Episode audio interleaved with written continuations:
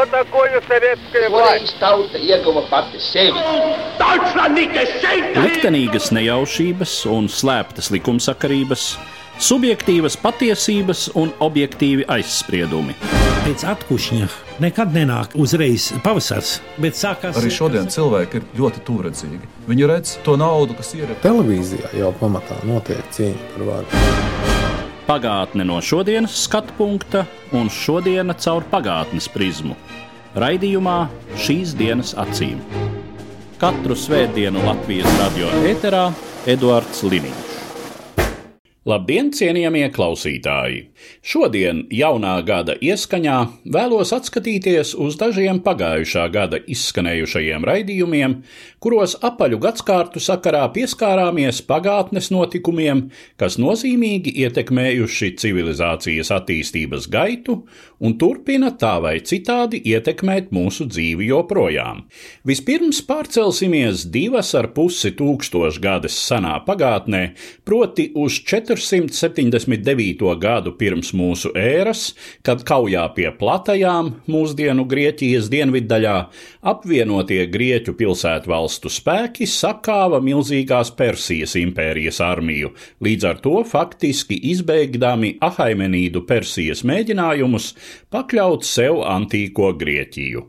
Par šīs cīņas vēsturisko nozīmi vēsturnieks Latvijas Universitātes profesors Harijs Tumans. Kā paši grieķi uztvera šīs savas attiecības ar Persiju un šo konfrontāciju? To, par to mums stāsta Herodots. Un Herodots pasniedz šo grieķu un persiešu konfliktu kā mušseno konfliktu starp Āziju un Eiropu. Mums tāds pierastais koncepts, ja, ka austrumu rietumu nepārtraukti atrodas konfrontācijā, un arī tagad, nu, tas jau sācies jau ļoti sen, tad redziet, 5. gadsimtā pirms mūsu ēras, jau Herodots par to raksta. Bet interesanti, kā viņš to skaidro. Viņš to skaidro ar mitisko tēlu palīdzību. Tātad jau viņa laikā bija tāda pārliecība, ka šīs konflikts starp austrumiem un rietumiem bija sācies ļoti sen. Un tad Herodots stāsta mītus par to, ka kaut kāds sen fenikiešu nozāk kaut kāda sieviete Grieķu pilsētā Argosā, Pēc tam, attiecīgi, grieķi nozāga sievieti no fenikiešiem, proti, Zevs nozāga nolaupīja Eiropu, kas zināms, jā. Pēc tam, protams, atcerieties, trojieši nozāga Helēnu un sākās trojas karš. Nu, un tā tālāk. Bet interesanti, kā Herodots, tas pats vēstures tēvs, viņš dod savu skaidrojumu. Pirmkārt, viņam šī versija liekas nepārliecinoša. Viņš saka, Principā, jebkuram domājušam cilvēkam skaidrs, ka, ja sieviete negribētu, lai viņu nozagtu, tad viņu arī nevarētu nozagt. Tā kā diezgan muļķīgi būtu karot sieviešu dēļ. Pat tādu secinājumu izdara pats Herodots. Ja? Un tālāk viņš saka, ja nopietni, tad īstenībā austrumu rietumu konfrontācijā sākās ar to, ka līdieši iekaroja grieķi. Ja? Tas pats valdnieks Krēsls. Un pēc tam jau, kad persieši atkal iekaro līdu, tad gribu vēl pieminēt, ka šo pašu matrīcu izmanto Aleksandrs Lielais, kad viņš pēc tam devās iekarot austrumu pasauli. Viņš savu kara gājienu saprata arī kā vienu epizodu šajā mūžīgajā konfliktā starp austrumiem un rietumiem.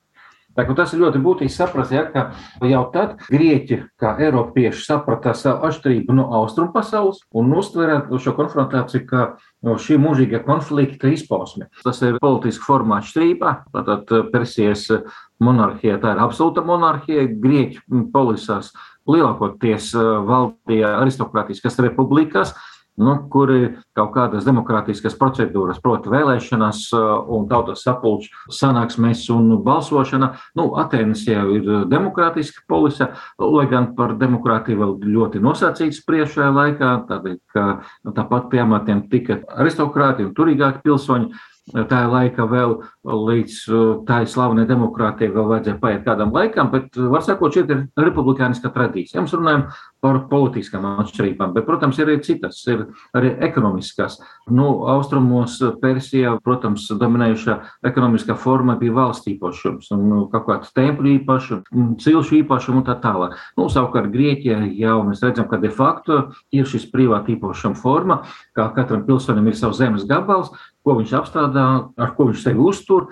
Līdz ar to šeit nākamais svarīgākais moments ir tā atšķirība starp to, kā indivīds iekļaujas sabiedrībā un kāda ir individu vieta sabiedrībā. Ja austrumos indivīds pakļauts kolektīvam, tur mēs redzam atkal dominē šis kolektīvs, cilts, varbūt tauta, tā ir valsts. Tur cilvēks ir ļoti integrēts šajās kolektīvās formās, un tās ir dominējušas viņa apziņā, gan ekonomiskā dzīve, gan psiholoģiskā dzīve. Tātad Grieķijā mēs redzam, dominējušas ir šis individuālis princips. Pilsonis apzinās sevi kā neatkarīgu pilsoni, ar savām tiesībām un ar saviem pienākumiem. Viņam pienākums ir uh, cīnīties par valsti, aizsargāt savu valsti, piedalīties valsts politiskajā dzīvē, bet viņš pārstāv sevi. Polisu veido brīvie pilsoņi. Tādēļ mēs varam runāt, ka šeit piedzimst rietumu civilizācija. Tas ir rietumu civilizācijas pamats, šī individuāla apziņa, individuāla organizācijas forma, kas izstrādāja priekšstatu par pilsoni un valsti, par pilsonisku atbildību, par pilsoni vietu sabiedrībā. Tā ir cita pasaule, kas atšķiras no austrumu pasaules, pēc dzīves formām, pēc saimniekošanas formām, un, protams, arī psiholoģiski, arī pēc kultūras formām. Tādēļ, ka tieši Grieķijā dzimst tas, ko mēs saucam par individuālu autoru kultūru par autorību. Grieķijā mēs redzam šo individuālu apziņu, individuālo kultūru, individuālu dzīves formu. Šeit ir rietumu civilizācijas šūpulis. Šeit ir piedzimtas galvenais vērtības, uz kurām balstās pēc tam visu laiku rietumu civilizācija. Lai gan, protams, nebija ne tā vārda, ne apziņas par civilizāciju. Viņi tādās kategorijās nedomāja, saprotams, Bet nu, mēs šodien, skatoties uz to visu, varam teikt, ka, jā, ka viņi faktiski aizstāvēja rietumu civilizāciju. Paši to nezinot, ka viņi to izdarīja. Jo pēc tam, kad mēs zinām, ka Grieķija iespēja Romu, un Roma atkal ir visas nākamās Eiropas tāds pamats tādā skolotāja. Tad mēs redzam, ka 480. 79. gadā izšķirās faktiski rietumu civilizācijas liktenis, būt vai nebūt šai rietumu civilizācijai. Jo faktiski tajā brīdī izšķirās uh, civilizācijas liktenis, būt vai nebūt Eiropas civilizācijai. Ja mēs tikai iedomāsimies, kas būtu noticis, ja Persija izdotos pakļaut Grieķiju, tad uh, nu, mēs saprotam, ka rietumu civilizācija varētu arī neizveidoties. Tātad būtu tikai austrumu civilizācijas filiāli. Nu, bet vēsture pagriezās tādā veidā, ka Grieķiem izdevās atvairīt Persijas invāziju un aizstāvēt savu neatkarību. Vēl viens nozīmīgs process Eiropā risinājās pirms 500 gadiem. 1521. gada aprīlī Vormsas pilsētā pulcējušās Svētās Romas impērijas valsts sapulces jeb Reichstāga priekšā stājās teologs Mārtiņš Luters, kurš jau vairākus gadus atradās konflikta situācijā ar Romas katoļu baznīcu. Šis bija galīgais pagrieziena punkts, kur šķīrās Lutera un katoļu baznīcas ceļi, līdz ar to aizvedot daļu Eiropas reformācijas protestantu protestantisma virzienā. Stāsta vēsturnieks, Latvijas Universitātes vēstures un arheoloģijas nodaļas vadītājs, asociētais profesors Andris Levāns. Vormsas Reichstāgs, Mārtiņš Luters un viņa konflikts, viņa lielais, dziļais konflikts ar Romas katoļu baznīcu, kā toreiz jau Lutera laika biedri teica, tā ir vecā baznīca veca, stabila institūcija, pusotra tūkstoša gadu veca apmēram. Un te pēkšņi ir kāds, kurš atļaujas apšaubīt to, vai tie pamatus, kur stāv šī vecā baznīca, ir tik droši, stabili, neapšaubām. Bet, protams, visos pamatos jau tā politika, Romas katoļu baznīcas politika, tagadnes politika, proti, kopš 15. gadsimta beigām un 16. gadsimta sākuma, vai tā ir nemaldīga un vai tā patiešām nebrēc un neprasa pēc ļoti būtiskām reformām. Romas katoļu baznīca ar vienu, un manuprāt, tas iezīmēs laikā, kad notika Konstances koncils, proti 1411. 12. gads līdz 1415. 16. gadam. Patiesībā darbs turpinājās vēl pēc oficiālā koncila noslēguma līdz pat 1420. un 21. gadam. Taču mēs jau redzam, ka šajā brīdī, tātad 15. gadsimta pašā sākumā, Romas katoļu baznīca ir ārkārtīgi sensibla, ārkārtīgi atvērta jaunajam. Kaut vai tā iemesla dēļ, ka bija tāds nemiernieks, kas bija arī tuvs, acīm redzot, savā garā un savos darbos, proti, Jans Huss, kuram bija lemts iet bojā uz ķecersārtu, proti, 1415. gadā, Un nevelti Lutheru arī apzīmēja kā husītisko ķeceri. Šīs paralēlas laika biedrs teju simt gadus vēlāk vilka ļoti uzkrītoši. Ar to atzīmējot vai darot uzmanīgus, ka Lutheru var piemeklēt tieši tāds pats liktenis, kas bija ļoti iespējami. Taču otrs, tas bija arī atgādinājums, ka Romas katoļu baznīca vēl ar vienu ir ļoti dziļos reformu meklējumos. Un, manuprāt, viss 15. gadsimts, 16. gadsimta sākums ir reformu laiks Romas katoļu baznīcai. Un tas, ka mēs šodien vairāk runājam par Husu vai par Lutheru, es teiktu, tas ir tāpēc, ka abos gadījumos ir bijusi ļoti veiksmīga komunikācija politika, kas tieši šos notikumus ir padarījusi, es teiktu, tā par ļoti skaļām dienas ziņu kolonnām vai rakstiem. Ir bijuši neskaitām citi reforma mēģinājumi, kur šo reformātoru vārdi mums šodien ir aizmirsušies, mēs tos nepieminam. Taču, ja mums atliek paskatīties viena ļoti labi zināma personāža virzienā, proti, Rotterdams Erasmus.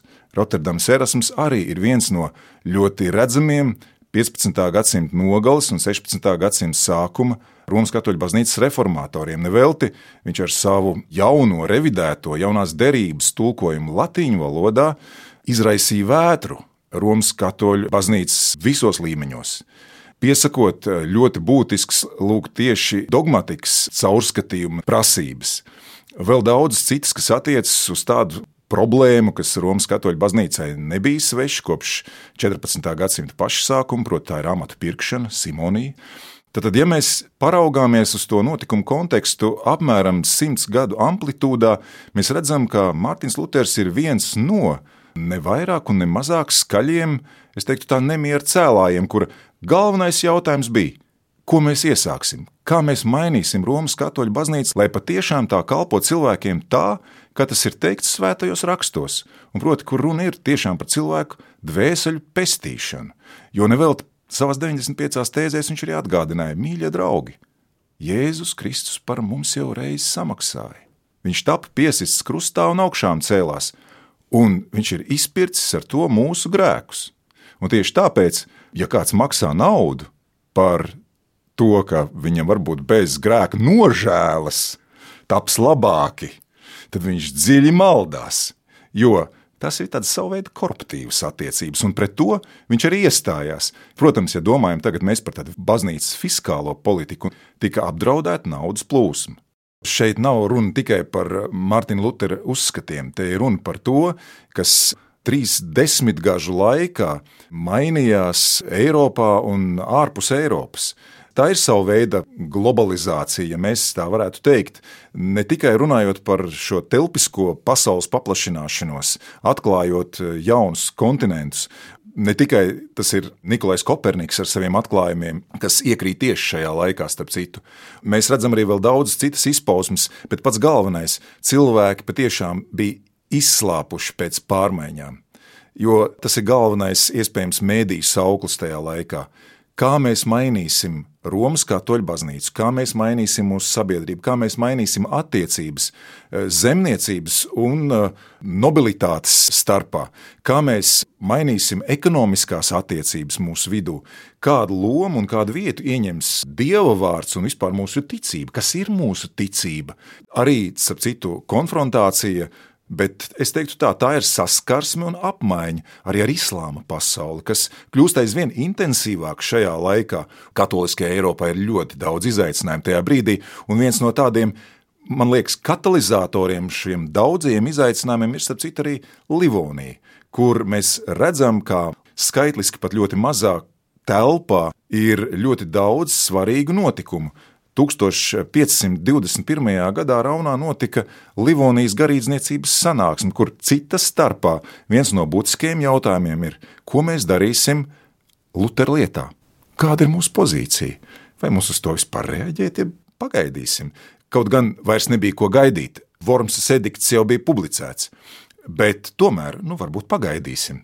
Kaut gan bija pilnīgi skaidrs, jo pēc dažiem mēnešiem, ka tas attiecas ļoti, un tas skars Livoniju. Būs neparedzams sekas visam tam, kas nāks kā Lutera vārds eh, Livonijā. Un patiešām, kā toreiz arī teica, Luterī pestilencija, tātad šī luteriskā pestilence, vai tā patiešām saindēs tos cilvēku prātus neglābjami. Ja mēs paskatāmies uz, varētu teikt, noslēguma epizodi, un paskatāmies tieši uz diviem Vormsas Reichstāga galvenajiem varoņiem Kārlu V un Mārtiņu Lutheru. Tad mēs redzam, ka 1547. gadā, kad jau gadu Mārtiņš Luthers bija apglabāts ne vairāk, ne mazāk Vitsenbergas baznīcā. Un tajā brīdī, 1547. gadā, Kārlis V kādas militāras kampaņas laikā, kas bija vērsta pret Saksijas hercogu, kā tajā brīdī jau politisku pretinieku, viņš ienāca Vitsenbergas baznīcā. Tā pirmā doma viņam bija: es likšu viņa mirušos pīšļus izrakt un sadedzināt šos pīšļus kā ķeceri uz sārta. Un tajā brīdī, kad viņš bija nonācis Mārtiņa Lutera kapa priekšā, viņš saprata, ka tas būtu liela kļūda. Ka viņš novērtēja Mārtiņu Luteru kā savu dzīves pretinieku, kuram pateicoties, viņš ir kļuvis par to Kārli V par kuru jau laika biedri stāstīja leģendas. Katoļu baznīcas aizstāvis, Tieši tā. cīnītājs, krusta karotājs. Un līdz ar to, novērtējot šādu savu pretinieku, mēs varētu teikt, Kārlis V rīkojas kā džentlmenis. Nevis kā ķeceru vajātājs vai kā impērijas likuma kalps, burta kalps, likuma, kur viņš pats bija radījis un reikstāks, ka viņš patiesībā izrādīja cieņu un godu savam pretiniekam. Un tas, man liekas, ir tas, kas ļauj uz šo notikumu vai uz šo notikumu kopumu paraudzīties. Es teiktu, tā ar cieņpilnas, nevis nožēlas pilnām acīm, arī no mūsdienu pozīcijas raugoties. Vēl jau vairāk tas bija ārkārtīgi svarīgi laika biedriem. Redzēt, kā divas puses, divas nesamierināmas puses izlīkst viena ķecera kapa priekšā. Es teiktu, tā, šodienai līdzīgs ir tas, ka arī mēs šodien sakām, mums vajag pārmaiņas, mums vajag būtiskas izmaiņas, un nevis vienkārši gan likumdošanā, gan mūsu saskarsmē, gan mūsu komunikācijas instrumentos, gan arī dažādos morāles un ētikas jautājumos, kur mums ir jāpārskata, acīm redzot, mūsu vērtību sistēma. Kā mēs to izdarīsim, cik mēs būsim inteliģenti, vai arī nē. Es domāju, tas ir lūk, tas lielais pārbaudījums, tas milzīgais izaicinājums, kas ir kopīgs un kas savieno šos laikus. Un līdz ar to mums ir svarīgi domāt gan par Vormsu, gan par Romu, par Lutheru, par Kārlu V un daudziem citiem šeit nenosauktiem personāžiem, kas ir iznesuši savās domās, savos prātos, savos tekstos šīs idejas un šo vajadzību pēc dialoga. Pagājušais gads iezīmīgs arī ar kādu ļoti aktuālu gadsimtu. Proti, pirms 225 gadiem, 1796. gadā, britu ārsts un dabas pētnieks Edvards Dženners veica pirmo vakcināciju pret melnajām bakām, tā aizsākot vakcinācijas ēru visā pasaulē. Turpinājumā fragments no manas sarunas ar Paula Stradiņa medicīnas vēstures muzeja pētniecības nodaļas vadītāju Mārtiņu Vesperi. 19. gadsimta sākumā vai pat vēl vēlāk, līdz pat 20. gadsimta vidum, kad tiek atklātas antibiotikas un kad jau ļoti plašumā iet arī vakcinācija, Eiropa cieš no jebkurām slimībām. Garais klepus, šarlaka, difterija. Protams, tās ir bakas, kas Eiropā katru gadu paņēma vairāk kā pusmiljonu bērnu dzīvības. Te ir runa tikai par bērniem, kas nomira, bet ļoti daudzi bērni, kas izslimoja, faktiski varēja palikt arī kurli, akli vai puskurli. Tāds spilgts piemērs Latvijai būtu šis pirmais latviešu dziesminieks, dzinieks, neredzīgais indriķis, kas bērnībā izslimoja melnās bakas un kļuva akls, brālis savukārt kļuva kurls. Ar bakām praktiski izslimoja lielākā daļa tā laika bērnu un ļoti daudziem cilvēkiem bakas atstāja arī rētas, kas paliek pēc izslimošanas, un ļoti daudz arī karaļi, karalienes, bija rētaini, un tiek uzskatīts, ka tas ir arī viens no veidiem, kā radās arī pūderis, ka bija mērķis noklāt ķermeni ar pūderi, lai nosaktu šīs rētas. Dženers faktiski savā lauku praksē vienkārši novēro, kad slaucējas, kas slauc govs un kas izslimo govs bakas, viņas nesaslimst ar šīm melnajām bakām, kas ir daudz bīstamāks un lipīgāks. Un tā rezultātā viņš faktiski nonāk pie slēdziena, ka, ja govs baks tiek injicēts cilvēkam, tad cilvēks izslimo šīs govs bakas, kas ir daudz vieglāka forma, un tad cilvēks vai nu pat nesaslims ar melnajām bakām, vai arī ļoti vieglā formā šīs melnās bakas pārslimos. Bet jāsaka, arī pirms Dženera jau bija šādi atsevišķi novērojumi, bet Dženers sāka propagandēt šo vakcīnu, sāka publicēt, sāka veicināt viņu, un uh, viņa arī ieklausījās kas ļoti ātri faktiski aptvēra visu Eiropu, jo, kā jau zināms, 1800. gadā, tas ir četri gadi pēc Dženera veiktās pirmās vakcinācijas. Eh, Rīgā ārsts Otto Huns jau veids pirmo baku vakcināciju, un tādā veidā mēs varam teikt, ka arī jau tagadējā Latvijas teritorijā ļoti ātri ir sākta baku potēšana, kas, protams, arī parāda, cik liela bija šī baku problēma tajā laikā Eiropā bērnu vidū. Faktiski mēs varam teikt, baku pote un vakcinācija vispār tas ir apgaismības laikmeta bērns, apgaismības laikmets, kurā zināšanu uzkrāšana, pasaules novērošana, pētīšana un fiksēšana bija teju vai augstākais tikums, kuru kopa ne tikai zinātnieki, ne tikai akadēmiskās aprindas, bet, piemēram, tajā laikā patiešām milzīga loma šai ziņā bija garīdzniekiem, mācītājiem. Pilnīgi pareizi. 19. gadsimta sākumā Latvijā profesionālu ārstu faktiski ir ļoti, ļoti maz. Vācu baltu mācītāji ir tie, kas ļoti progresīvi, viņi ir tie, kas dibina skolas, viņi ir arī tie, kas propagandē veselīgu dzīvesveidu. Viņi arī ir tie, kas rada to kultūras pamatu, ko mēs šodien saucam par Latvijas kultūru. Par to baku potēšanu vai jebkuru citu tā laika kaut kādu jaunievedumu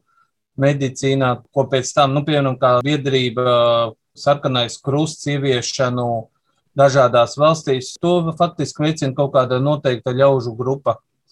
Tad vēlāk jau tas kļūst tīri politisks gājiens, kad jau tiek ieviests valstiskā mērogā. Un masalas, stinguma krampji, difterija, tās arī ir slimības, kas, diemžēl, joprojām pasaulē ir, un viņas, diemžēl, arī atgriež. Un te jau mēs varētu sākt runāt nevis tikai kā valsts politiku, bet pašu cilvēku individuālo lomu, slimības, kuras mēs varam izskaust ar vakcināciju, viņu atgriešanos Eiropā tagad jau arvien vairāk sāk parādīties ziņas, ka daudzi vecāki atsakās savus bērnus potēt, viņiem ir tādas tiesības, un kā rezultātā Latvijā, piemēram, šādi tad ir dzirdams, kad ir kāds bērns saslims ar šarlaku, tas ir difterija.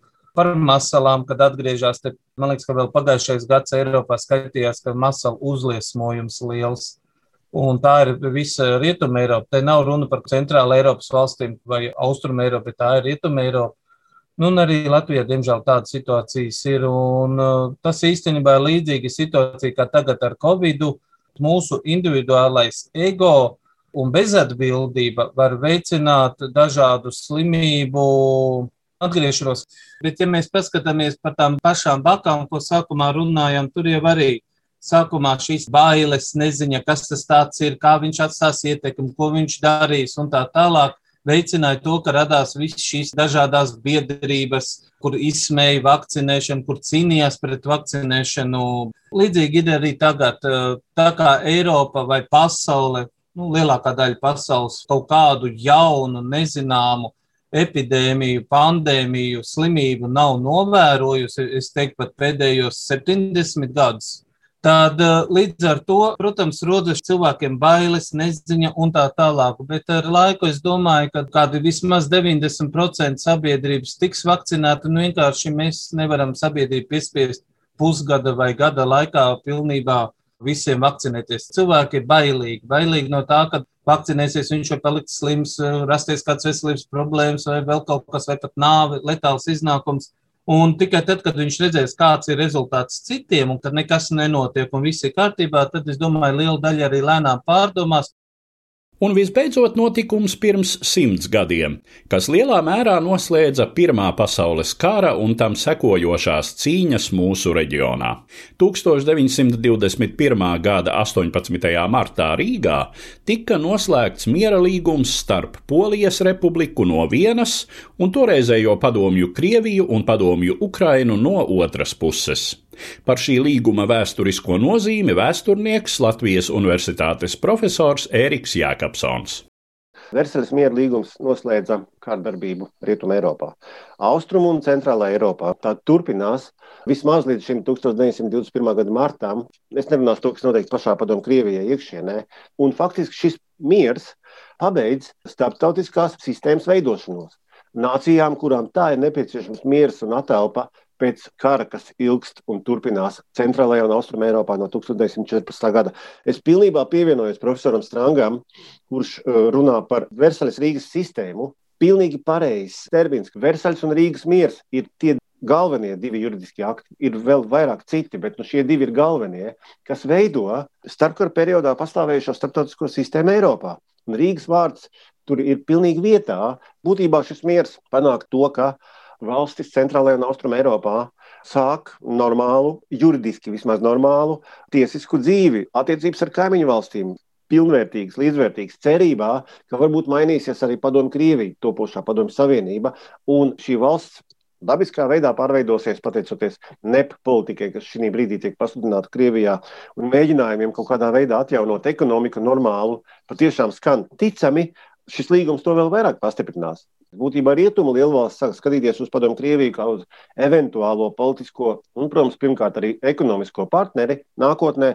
Un tad aizsākās šis starpkara divus desmitus gadus ilgušais periods, kurš 20. gados īpaši šķita, ka dzīvojam pa jaunām, attiecības pa jaunam ar Krieviju, šeit ir izveidojusies virkne jaunu valstu. Šis Rīgas miers ir ārkārtīgi būtisks tieši starptautiskās sistēmas veidošanā. Es varbūt pavisam īsi pateikšu to, ko Meirovics teica atklāšanas sēdē. Latvijas ārlietu ministrs atklāja tādu sēdi, kam ir patiešām pasaules nozīme. Un viņš saka, ja visām pasaules tautām miers nepieciešams, lai ķertos pie tā uzbūves, kas uzsītībā celts no veselām paudzēm un ko karš izpostīs dažos gados, tad miera atjaunošanai Austrum Eiropā vēl daudz plašāka nozīme. Jo te ieinteresētas nevien karojošās zemes un viņu kaimiņi, bet visa Eiropa. Ikdienas jau vairāk novērojams, ka mūsu kontinentu apdzīvojošās tautas saimnieciskā ziņā ir viens vienīgs organisms, kura veselībai un nokārtotām funkcijām visu daļu kopdarbība nepieciešama. Tautas gaida, ka no šīs konferences izplūdīs spilgtas gaismas stari un beidzot izkliedēs nakts tumsu, kas jau kopš sešiem gadiem nolaidusies pār visu pasauli un sevišķi sabiezējusi šī Eiropas daļā. Savukārt, nobeiguma runā viņš arī noslēdza pēdējo sēdi, kurā tika parakstīts miera līgums. Viņš izteica pārliecību, ka notikumam ir ļoti liela nozīme visas Eiropas mērogā, un tas atklāja jaunu posmu Austrumēropas un, jā, īpaši Baltijas valstu vēsturē. Latvijā arī ar milzīgu atvieglojumu nopūtās, ka tiek parakstīts miers. Protams, Latvijas situācija atšķiras šajā gadījumā. Pirmkārt, no Lietuvas. Lietuva šī brīdī arī norisinoties sarunām Rīgā karo ar faktiski ar Poliju, no oficiāli ar Viduslietuvu. Līdz pat novembra beigām karš, pēc tam ir nepieteiktais karš ar retiem šāvieniem uz robežas vai uz demarkācijas līnijas turpināsies 18 gadus, līdz pat 1938. gada martam. Bet lietuvieši, protams, šo raugās kā uz sava galvenā ienaidnieka sarunām ar eventuālo partneri. Polija ir viņa galvenais ienaidnieks šī brīdī, Viļņas dēļ. Man šeit nav laiks iedzināties sīkāk šajā stāstā, bet es gribētu īpaši uzsvērt to, ka ne jau tikai Baltkrievi uzsver to, ka Polija ir galvenais agresors. Daļa no Baltkrievu politiķiem joprojām tā uzsver šī brīdī, 1921. gadā, ka tieši Polija ir galvenais agresors. Līdz ar to izskan mūsu raidījums, kurā pieminējām vairākas pagājušajā gadā apritējušas nozīmīgas gadsimtas. Dzirdējāt vēsturniekus Latvijas Universitātes profesoru Ēriku Jēkabsonu, Latvijas Universitātes vēstures un arheoloģijas nodaļas vadītāju asociēto profesoru Andri Levānu, Latvijas Universitātes profesoru Hariju Tumanu un Paula Stradiņa medicīnas vēstures muzeja pētniecības nodaļas vadītāju Mārtiņu Vespu vesperi. Uz redzēšanos, cienījamie klausītāji! Katru svētdienu Latvijas radio viens par pagātni sarunājas Eduards Liniņš.